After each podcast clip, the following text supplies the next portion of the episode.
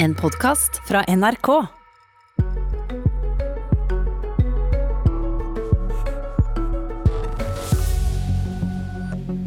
Først stengte Danmark grensene og skolene. Så stengte Norge. Mens Sverige holder fast på liberale smerte, eh, smittetiltak. Dette er historien om hva som skjedde da svensken, dansken og nordmann ble ramma av koronaviruset. Ja, du hører på Politisk kvarter i studio Gry Veiby. I dag er det tre uker siden det ble bestemt at alle skoler og barnehager i Norge skal holde stengt. Dagen før bestemte Danmark det samme. Og Siden da har tilværelsen endra seg drastisk for de fleste av oss. Men mens Norge og Danmark har innført svært inngripende tiltak i kampen mot eh, covid-19, har Sverige ført en eh, ganske annen strategi. Eirik eh, VM, du er i Stockholm nå. Hvilke retningslinjer er så langt innført i Sverige?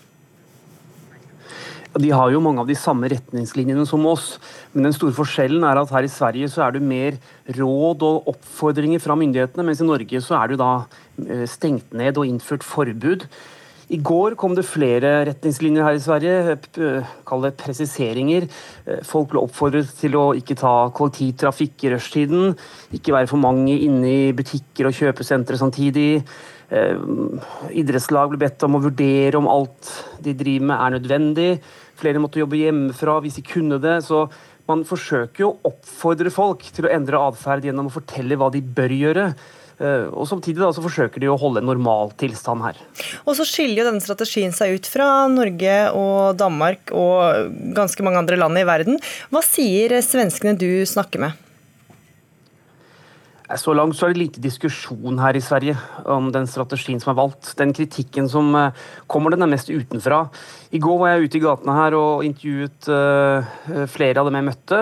Det var ingen som hadde noe negativt å si om myndighetenes håndtering. De er faktisk veldig fornøyd. De mener at det som gjøres her er riktig, og som flere sa, da, de synes jo synd på oss i Norge som, som har det slik vi har det. Hilde Sandvik, du er redaktør i Broen XYZ, som lager radioprogrammet Norsken, svensken og dansken eh, i P2. Hvordan begrunner svenskene, lin eh, svenskene linja de har lagt seg på?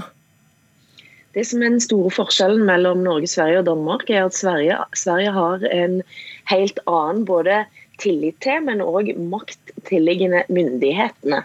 Eh, så når eh, det er statsepidemiolog eh, Anders Tegnell som svarer på pressekonferanse hver dag, så er det fordi at det er smittevernmyndighetene som på mange måter tar beslutningene for den svenske håndteringen av korona.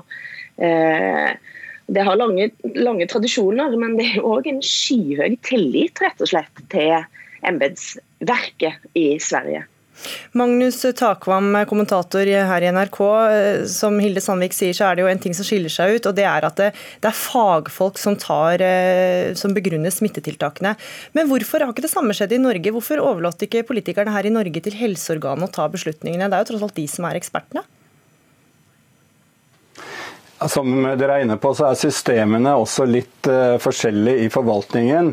Uh, den, svenske, den norske parallellen til den svenske folkehelsemyndigheten er jo Folkehelseinstituttet her i Norge, med Camilla Stoltenberg i spissen. De har en skal vi si, vitenskapelig rådgivende rolle, mens det er Helsedirektoratet som på en måte tilsvarer den folkehelsemyndigheten som svenskene har. Sånn at I startfasen så la jo alle merke til, også i Norge, at det var Helsedirektoratet som var på en måte den faglige eh, eh, enheten som regjeringen støttet seg på. Så det er en slags eh, mellomting i Norge, og, og, Helsedirektoratet som faglig eh, utøver jo, eh, er jo direkte underlagt underlagt regjeringen og Helsedepartementet.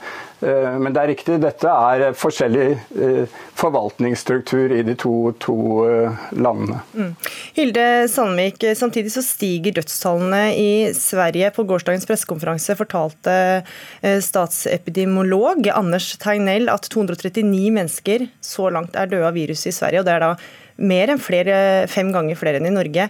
Og Hvis denne strategien som Sverige har lagt seg på ikke fungerer, hvem er det da som skal stå til ansvar? Nei, altså det, som, det, er en liten parallell her til, eh, til flyktningkrisen 2015. Der det var Migrasjonsverket som satte tall på hvor mange flyktninger som skulle komme til Sverige. Og det var jo òg faktisk migrasjonsmyndighetene som på et vis i første rekke mista tillit eh, da en eh, fikk en situasjon som opplevdes ute av kontroll. Eh, og den, den, delingen der av hvor, hvor, hvor, eh, hvor eh, skylden kommer, det er, altså det er, en delvis politisk og delvis eh, misting av tillit i, til, til, myndighetene. nå ser en f.eks. at Stefan Löfven ennå har altså veldig gode tall. Det kom en ny, nye målinger i går som viste at eh, Stefan Löfven nå har høy tillit fra 44% av den svenske befolkningen, som mener at han håndterer denne krisen bra. Eh, men hva som skjer nå hvis disse dødstallene skulle stige ytterligere, det vil jo bli ekstremt interessant å følge med på. Mm. Det er stor oppslutning også, Magnus Takvam, men, eh, men, eh, dødstallene stiger. og Hva skal til før svenske politikere tar over styringa, er det en mulighet? Altså, det vil jo vise seg det man har lagt merke til, tross alt i Sverige også. Det er jo, som dere er inne på, eh, dødstallene er høyere enn både Danmark og Norge. Er at man har strammet inn eh, på en del områder. Det er særlig situasjonen i sykehjemmene, eldreboligene eh, helt konkret, som har vært negativ i Sverige, med mange dødsfall der og personell som er smittet slik at eh, for et par dager siden så sa man at nå skulle ikke lenger pårørende eh, kunne besøke sine, sine eldre på sykehjemmene i Sverige. Slik at det er klart at Man kommer med innstrammende tiltak når man ser at virkeligheten endrer seg også. Men dette var jo ting som man f.eks. i Norge gjennomførte for, for lenge siden. Mm. Hilde Sandvik, eh, altså svenske myndigheter har fått mye kritikk utenfra, og også internt eh, så har eh, linja de har lagt seg på, fått kritikk fra andre medisinske personell. Hvor stor har enigheten vært politisk? Den har vært veldig stor. Den kritikken som har kommet politisk, har stort sett kommet fra Sverigedemokraterna, men nå er ganske mildt. og Jimmy Åkesson har vært veldig tydelig ute på de pressekonferansene og sagt, altså leder av Sverigedemokraterna har sagt at her står vi felles om den linjen som er valgt. Eh, foreløpig så har det vært liten politisk debatt i Sverige. Hmm. Og Da skal vi til eh, en tur til Danmark, som av mange blir omtalt som strengest i klassen. Turi Leirvoll, tidligere partisekretær for det danske søsterpartiet til SV. da jobba 13 år på Folketinget, og statsminister Mette Fredriksen har fått gjennom en rekke hastelover. Hvordan har det blitt mottatt eh, politisk? Eh, ja, det har blitt godt mottatt. Det har vært enstemmighet fra ytterste høyre til ytterste venstre for de aller meste av det som er gjort av eh, tiltak. Både på lovgivning og andre tiltak. Eh, så det er veldig eh, samla politisk landskap. Og det tror jeg simpelthen handler om at i sånne kriser så er de seg ganske bevisst at det å vise splittelse politisk kan skape usikkerhet i befolkningen.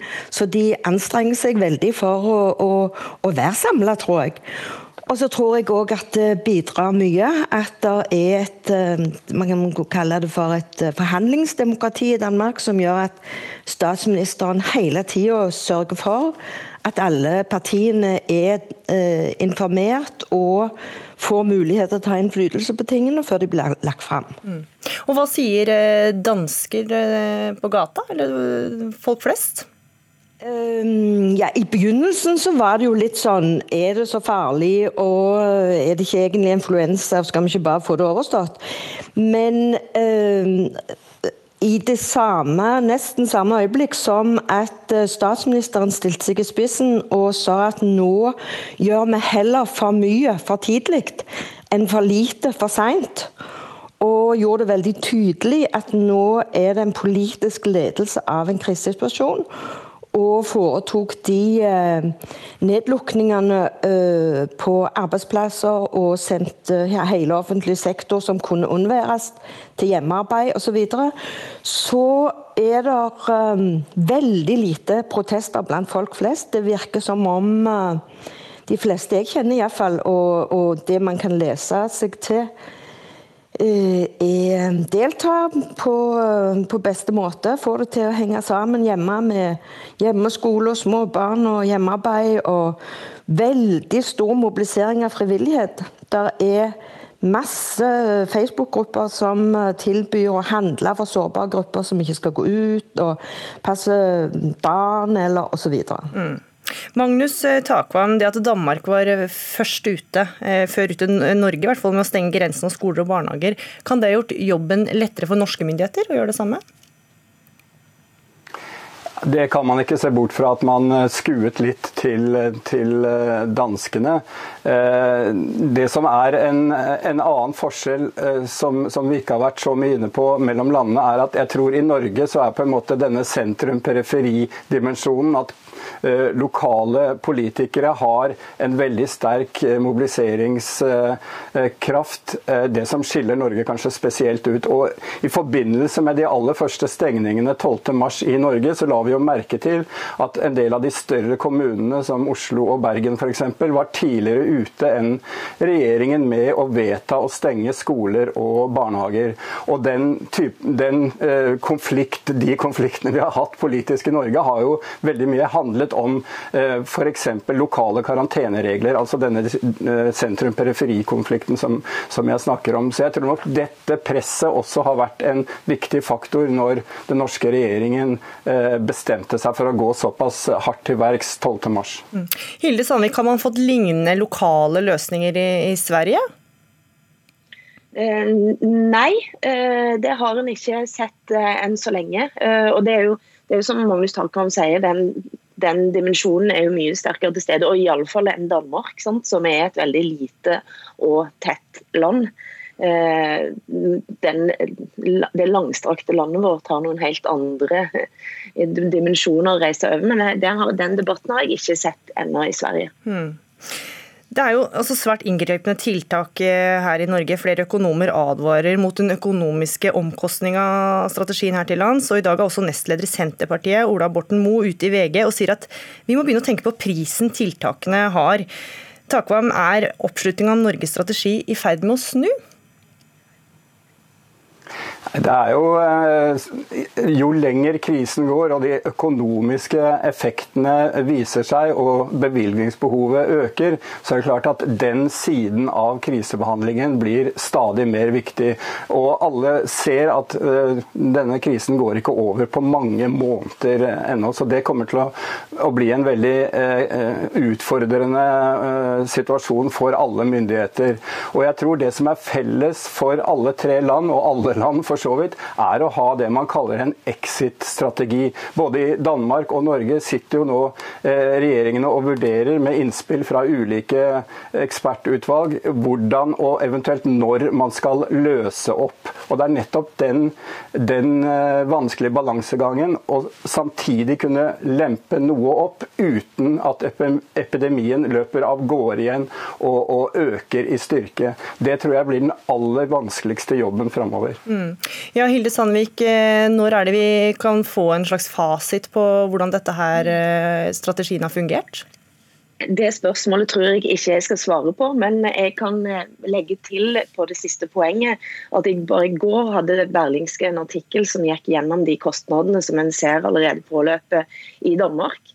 Uh, og en, med enorme summer.